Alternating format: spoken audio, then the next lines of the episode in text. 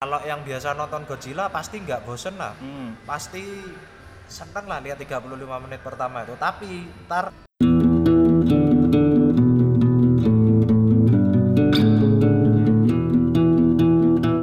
Alright, selamat dini hari buat para pendengar setia cover art untuk edisi film untuk hari ini.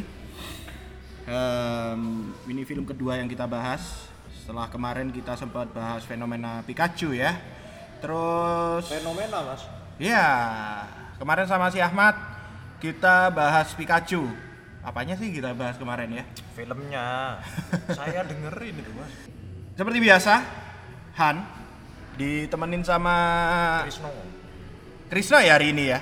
Ya kan kemarin saya belum pulang mas. Nggak mudik lu no. Rumah saya di sini. Eh, sama Krisno sampai nanti kira-kira mau bahas berapa lama kita? Satu hari, dua hari? Insya Allah. Ya, eh, untuk hari ini si Krisno nih tadi katanya pulang eh, nonton film. Nggak tahu film apa dia tonton. Bukan bokep ya? Ah, ya bukan dong mas. Kan kalau itu saya nggak kira ngajak-ngajak lah nontonnya. Oke. em, untuk episode kali ini, film apa sih yang habis lu tonton, Mat? Emat sampai No? Mat, Biasa ada tuh ya. Nongkrongnya di mana? apa apaan sih, No? Gak enak banget sih manggil No.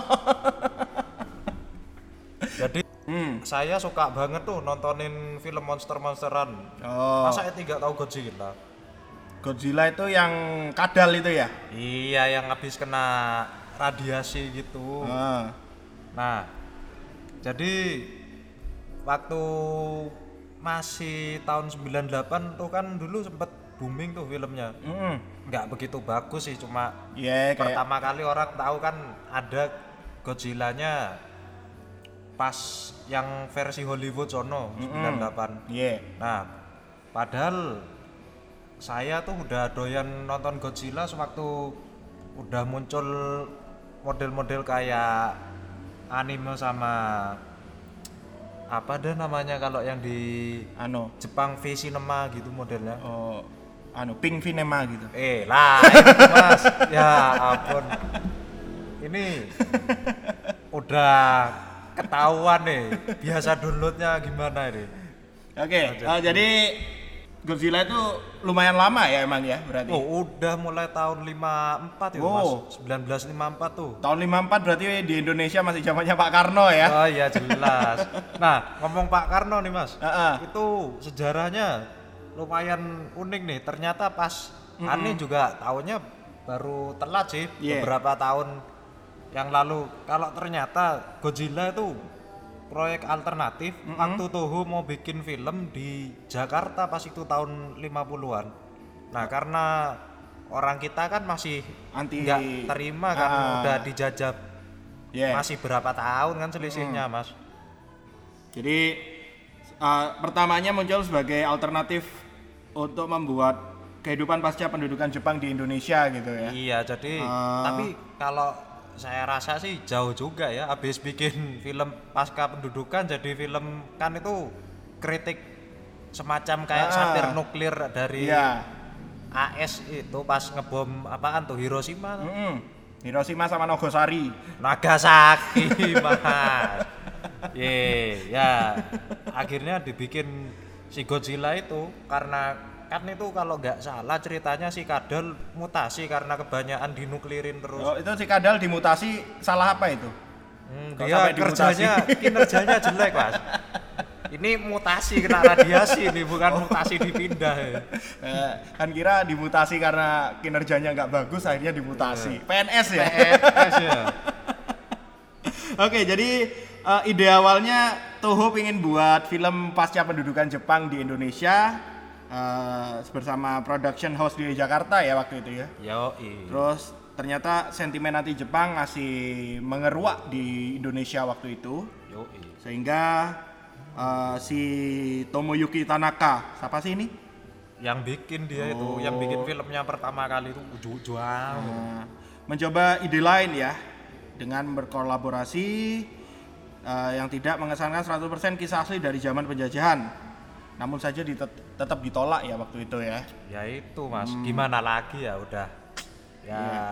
kalau saya kan berandai aja andai aja nih Indonesia mau waktu itu kan Keren ya. kita lihat iya Jakarta kedatangan Godzilla eh ternyata si Komo mas ya sih, kalau ya kita nggak bisa nyalain juga waktu itu kan perang juga baru berakhir beberapa tahun kan tahun 52 berarti perang kalau bilang usai perang di perang dunia 2 4 4 45 lah. Tapi di Ya. Indonesia kan selesai perang tahun 49 ya baru selesai ininya lah ya proses Iya, proses. ngeluarin tuh orang-orang Ah, Jepangnya. istilahnya ketika Jepang sudah benar-benar keluar Belanda kan masuk lagi tuh sampai tahun 49 ya. Berarti Indonesia baru benar-benar istilahnya benar-benar merdeka, nggak ada penjajah yang di dalam dari tahun 49, 5, sa- 49, 50, 51, 52, 4 tahun dari per- benar-benar merdeka seharusnya ya, ya. itu habis 4 tahun Jepangnya baru dapat berapa Ah. tahun juga udah ah, Langsung tapi- menawarkan cuma ya disayang banget aslinya keren banget kalau benar-benar dibuat waktu itu. ya tapi ya udah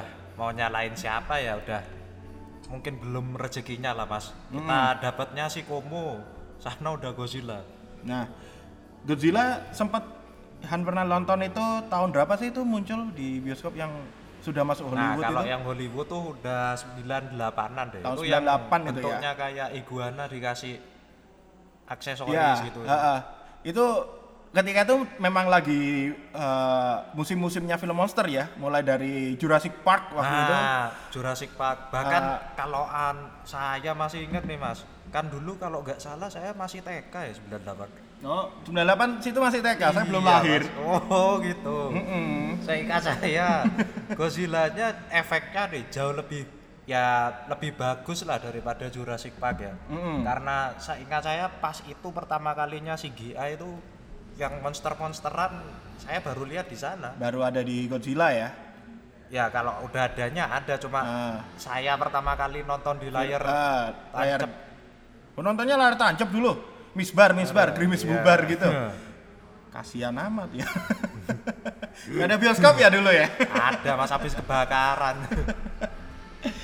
Oke, em, film yang dibawa diangkat dari Hollywood itu tahun 98 ya.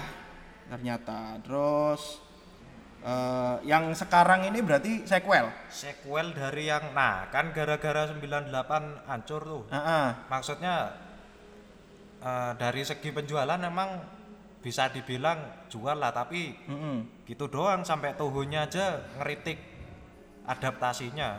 Sampai Nah, Tohonya sendiri yang mengkritik. Iya. Oh.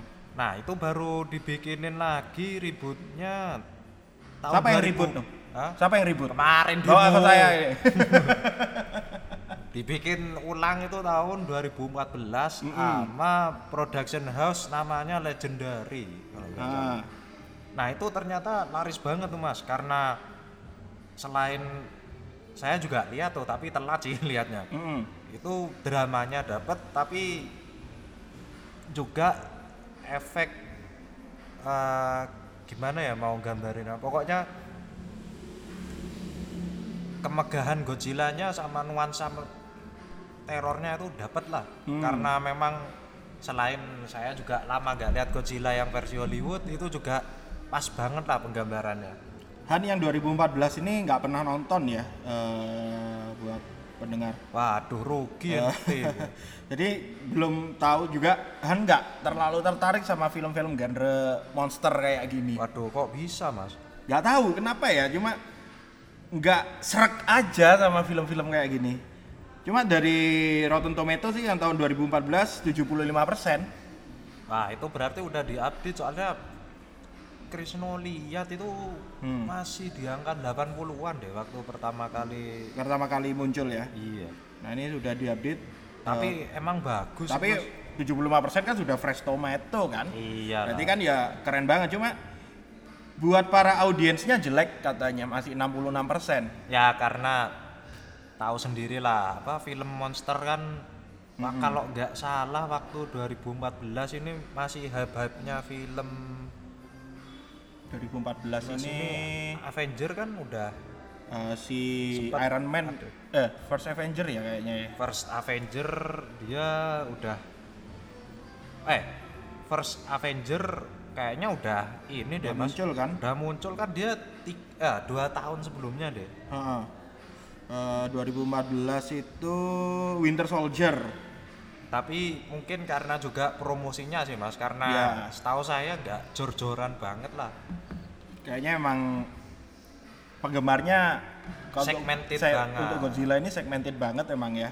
Terus nggak eh, anak-anak zaman sekarang juga nggak kayak di Jepang sana kan film Godzilla. Film Godzilla di Jepang kan series kan kayaknya ya. Kemarin aja nih saya nonton barengannya bapak-bapak yang udah bawa anaknya berarti kan ketahuan yang sebenarnya Hmm. pengen nonton siapa ini Nah, ini menarik nih. eh, produk sequel Godzilla ini ini berarti sequel dari yang 2014 ya? iya lima tahun berarti nunggunya Berkelanjutan. Nah, yang 2014 itu endingnya gimana?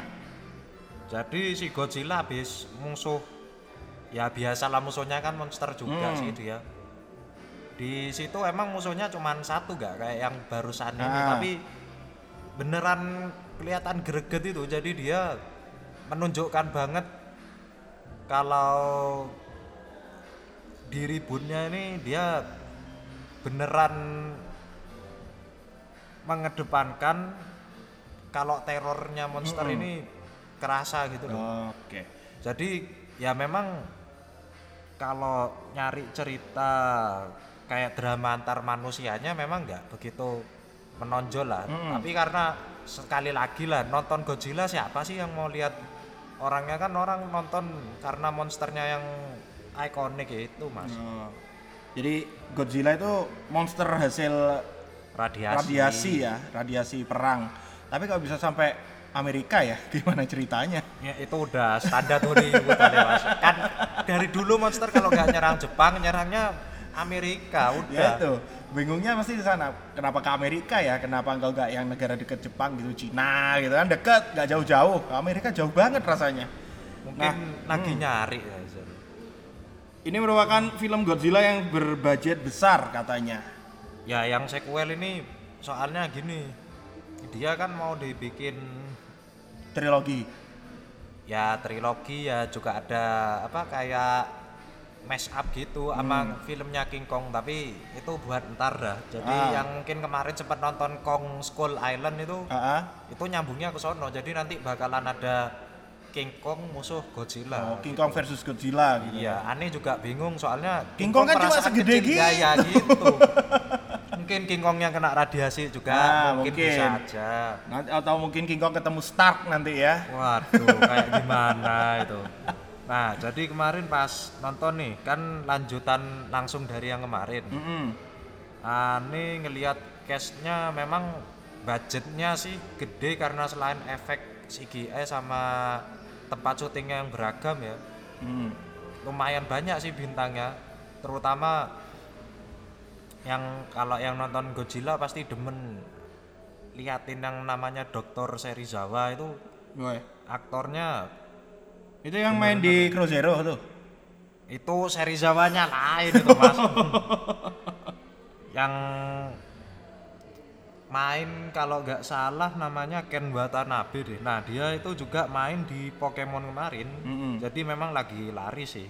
Hmm. Nah pas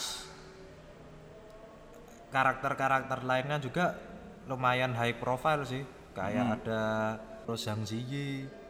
Hmm. Jadi artis-artis Asia lah Nah. yang high high profile terus digabung dengan artis-artis yang juga lagi naik daun kayak Millie Bobby Brown yang main kalau yang nontonin Netflix mungkin tahu Stranger Things Mm-mm. itu bintangnya Hmm. jadi agak Pantas dan sih nggak ada yang kenal nih sama wajah-wajahnya ini. Ah kok bisa? Pasti salah satu ada lah. Nggak ada. Zhang Ziyi itu Zhang Ziyi pernah sih pernah dengar sih. Zhang Ziyi ini pernah dengar. Oh, ini yang main, oh yang main Geisha, pantas pernah Iya. dengar. Masa Iya. nggak mungkin lah ente nggak nonton itu Geisha itu. Oh main Rush Hour juga. Tua banget gue. Nontonnya Geisha sama Rush Hour. Ketahuan. ya. Oke, jadi itu case-nya ya. Gimana menurut ente peran per perannya keren nggak mereka mainnya? Actingnya kelihatan itu acting apa yang enggak? nah itu tadi yang case high profile dari yang Asianya ya Hmm. kalau dari orang-orangnya sendiri kayak ada si Elizabeth Olsen sama Aaron Taylor Johnsonnya itu sama Millie Bobby Brown Hmm. ya memang karena emang udah bintang bintang di sono ya emang udah bagus sih perannya cuma ya seperti film pertamanya itu tadi Hmm. kalau mau nyari drama antara pemeran manusianya memang di film pertama tuh itu Hmm. menurut saya bagus tapi memang minim sih Minim. film kedua ya kelihatan kayak pokok ada gitu Kayaknya eh, Han kemarin nonton eh, trailernya, kayaknya musuhnya banyak banget untuk yang sekarang. nah itu karena emang kemarin udah diplot jadi bukan spoiler ya ceritanya nih Hmm. Kan di trailer juga ada kan waktu itu monster-monsternya itu. Ya, si Godzilla ini musuhnya kalau yang demen nontonin pasti tahu lah King Ghidorah Mm-mm. sama ntar ada Rodan dan lain-lainnya ntar spoiler kalau saya sebutin.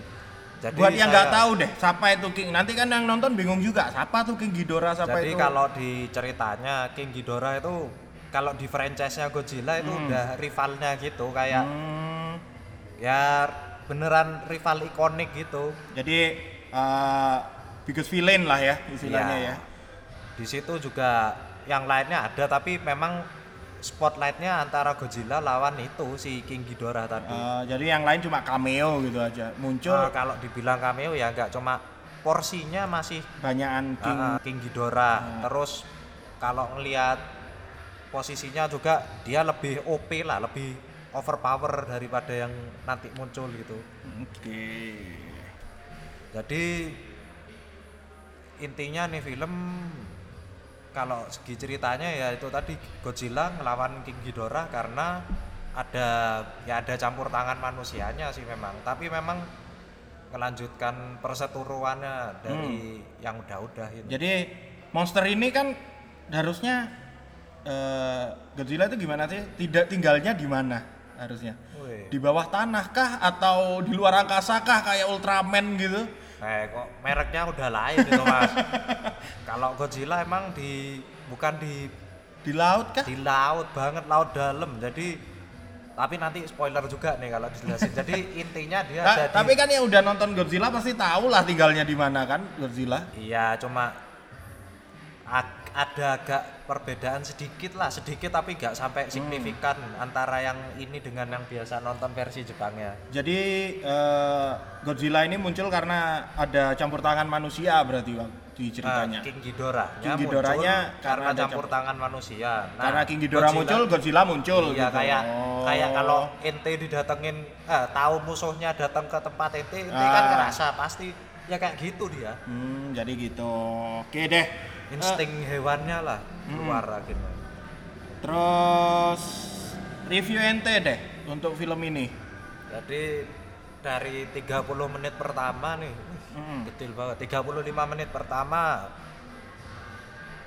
eh, sorry sorry ini nggak usah spoiler deh ya mending Nggak, nggak usah deh. 35 menit pertama ya cukup seru sih kalau buat ente eh buat aneh lihatnya karena Bosen nggak? Kalau yang biasa nonton Godzilla pasti nggak bosen lah Hmm. pasti seneng lah lihat 35 menit pertama itu tapi ntar menjelang ke satu jam ya kalau yang itu tadi nih bilang kalau cuma lihat interaksi antara pemeran manusianya di sono agak minim sih Hmm. tapi ada satu poin yang ada poin yang menarik nih Hmm. kalau di AS ya gak AS doang sih sebenarnya hampir di seluruh negara dunia kan ada kesetaraan gender sekarang lagi rame Yeah. di Godzilla rata-rata gen eh, kan ada tentara defense force-nya di sono Hmm. itu mereka pilotnya Sebagai perempuan, perempuan, ya. terus ada yang komandannya perempuan Ah. terus tokoh utamanya juga perempuan. Jadi film ini Jadi- juga membawa pesan intinya eh, kesetaraan lah ya. Ya, itu semua menarik eh, nggak lah. nggak laki-laki perempuan semua bisa jadi pemimpin, bisa jadi pilot kayak gitu ya. Nah. Jadi membawa pesan itu. Oke. Justru saya sempat mikir kalau seandainya lakinya ini dikit masih tetap mungkin juga lebih menarik lah Hmm. kalau pakai leb- porsinya lebih diutamakan tapi ya itu kan kalau untuk film film kayak Godzilla gini lebih ke apa ya kalau bilangnya ini dia lebih ya ngisi perannya itu doang memang Hmm. nggak nggak sampai mengakar ke penceritaan yang kompleks banget gitu Ya kan nggak. memang kalau film Godzilla ini fokus utamanya kan memang di monsternya kan, bukan nggak di orangnya emang kan.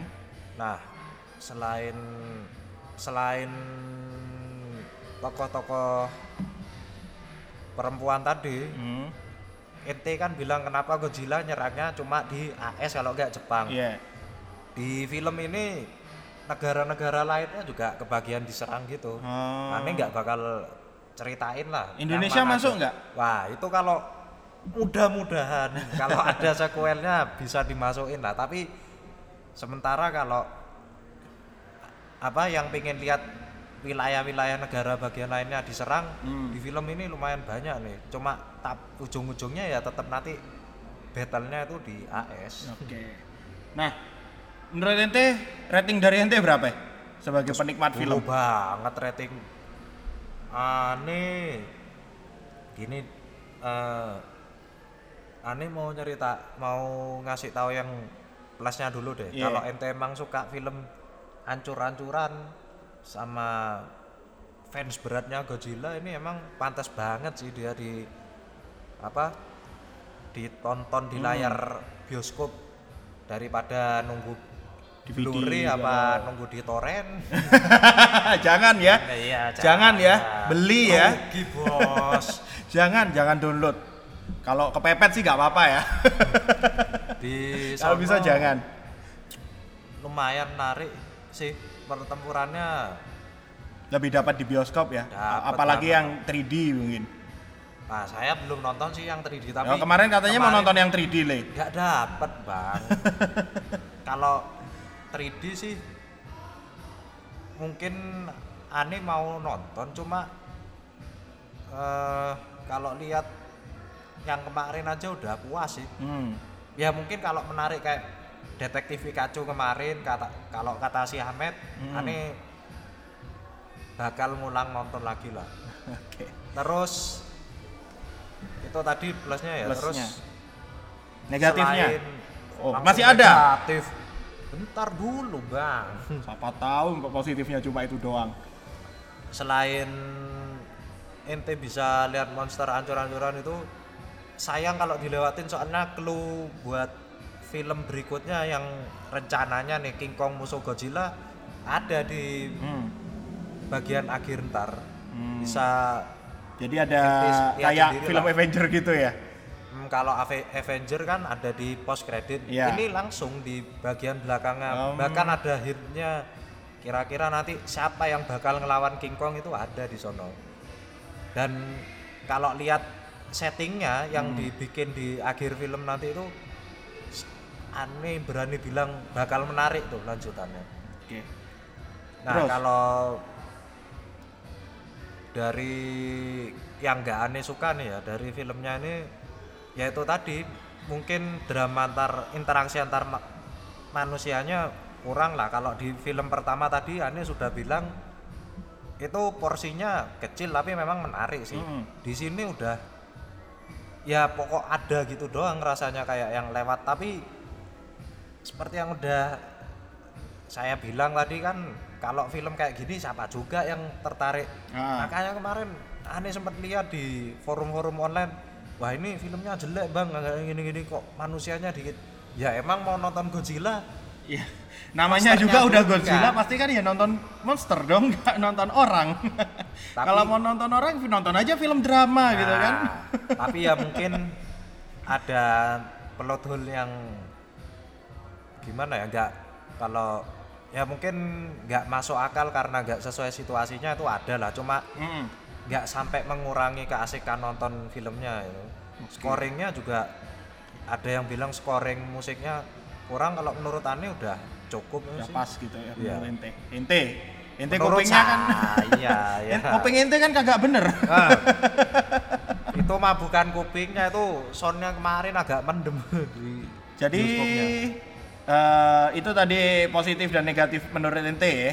ya Jadi kalau aneh ambil kesimpulan nilainya 7,7,5 ya. nah sekitaran itu tapi kemarin aneh lihat di situs-situs film anak-anak zaman sekarang yang nontonin IMDb, Rotten Heeh. lebih jeblok lagi bang Lebih jeblok padahal lagi. ya itu tadi aneh tekanin kalau mau nonton yang banyak interaksi manusianya ya udah jangan nonton Godzilla emang filmnya isinya ancur-ancuran monster Hmm. semua Emang sih di Rotten Tomato sekarang eh, 44% cuma dapatnya.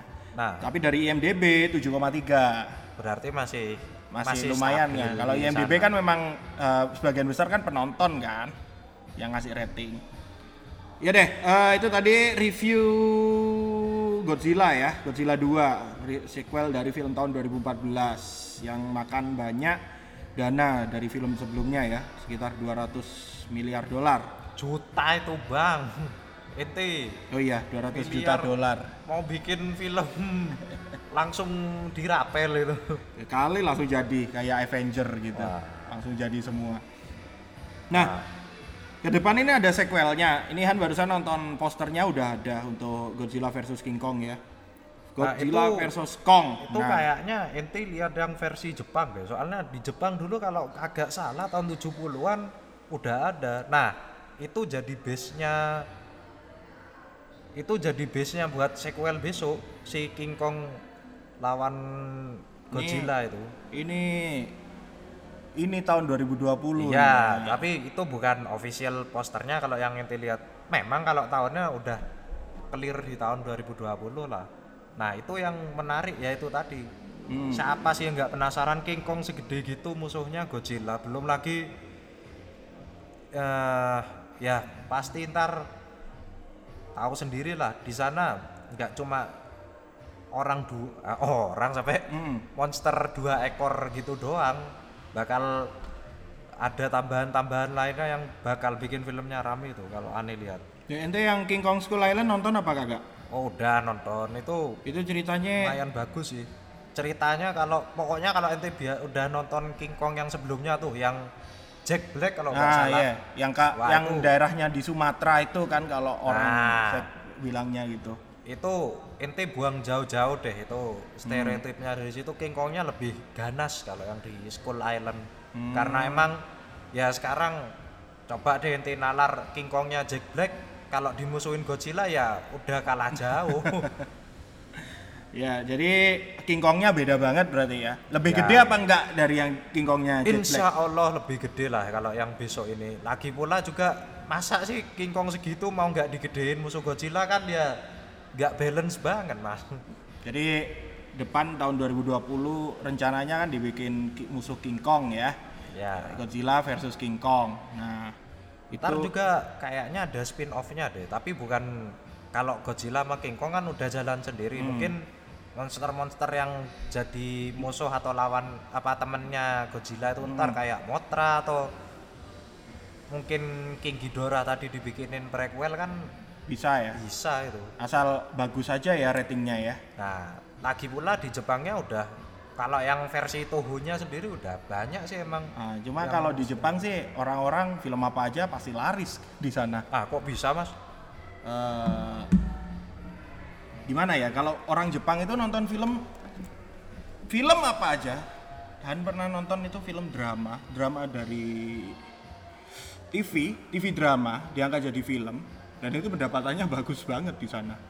Entah Berarti- kenapa sampai ya kalau bisa dibilang orang Jepang itu kalau udah fanatik fanatik banget nggak bisa ditinggalin. Kayak jangan kan film deh eh, kayak musik satu-satunya yang masih sampai jualan album fisik terbesar di dunia kan cuma Jepang sampai sekarang yang berani jual CD sampai penjualannya berjuta-juta itu Jepang yang berani. Nah, itu menarik deh Mas. Kayaknya bisa lah ente bahas besok ya. Ya, ya gampang deh nanti kita bahas di fenomena eh, fanatisme terhadap apa istilahnya itu ya. Eh, fanatisme orang Jepang terhadap seni enggak seni seni kontemporer ya jadi seni-seni rekor terhadap musik dan lain-lain lah. Iya, Di sana kan- kenapa orang Jepang sampai segitunya untuk bela-belain kayak gitu. Nah, jadi mungkin kalau eh, bikin spin-off, bikin sequel Pasti Pas- ada lah itu ada cuma Godzilla-nya. paling palingan nunggu yang 2020 nanti kan dilihat hype-nya gimana biasanya. Kalau studio kalau uh, pihak publishernya bilang nggak nggak untung kan ya ngapain dibuat? Hmm, tapi kalau ini sekedar ngomong aja ya Mas. Hmm. Tahun ini kan kalau ente lihat hype superhero lagi panas nih. Sampai bahkan sekarang ada hype tapi ini mungkin lebih cocok diomong besok-besok sih. Hmm. Superhero horor. Jadi Hmm. kayak New Mutant Ya, terus Brightburn kemarin terus ada lagi deh Swamp Thing di, Iya. di, di serial televisi Ah, ah. kayaknya untuk tahun ini sampai ya 2020 awal kalau Masih- di iya relevan Ah. nah itu kayaknya cocok banget kalau kemudian dilanjutkan sama apa film monster-monsteran kayak gini Eh, kalau jadi ah. komplementer deh pokoknya buat tren yang akan datang Cuma sih memang film monster ini sudah habis istilahnya udah lama nggak muncul kan emang. Iya. Lama banget film kayak film monster-monsteran gini Godzilla, terus film apa itu ya? Eh, film monster apaan sih yang terkenal selain Godzilla? kalau ente mau nyari yang agak kebawahan selain Godzilla masih ada kayak yang pertama deh film Buh, Ani mau ngomong film sampah tapi kayak enggak gimana ya film hancur deh kayak Sharknado terus Ah, ah. Yang laba-laba gede gitu Iya, terus, terus, dulu kan kayak- ular Dia gitu. kan ular biasanya dulu Nah, zaman dulu kan buaya.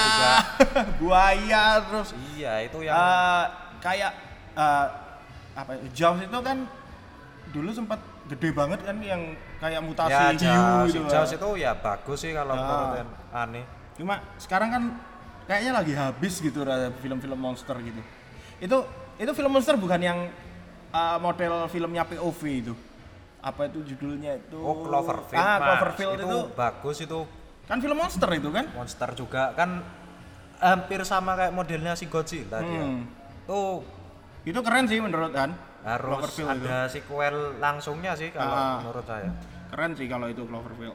Cuma kok nggak ada lagi yang bikin film kayak gitu. Insya Allah mungkin Cloverfield kolaborasi sama Godzilla siapa tahu kan gitu.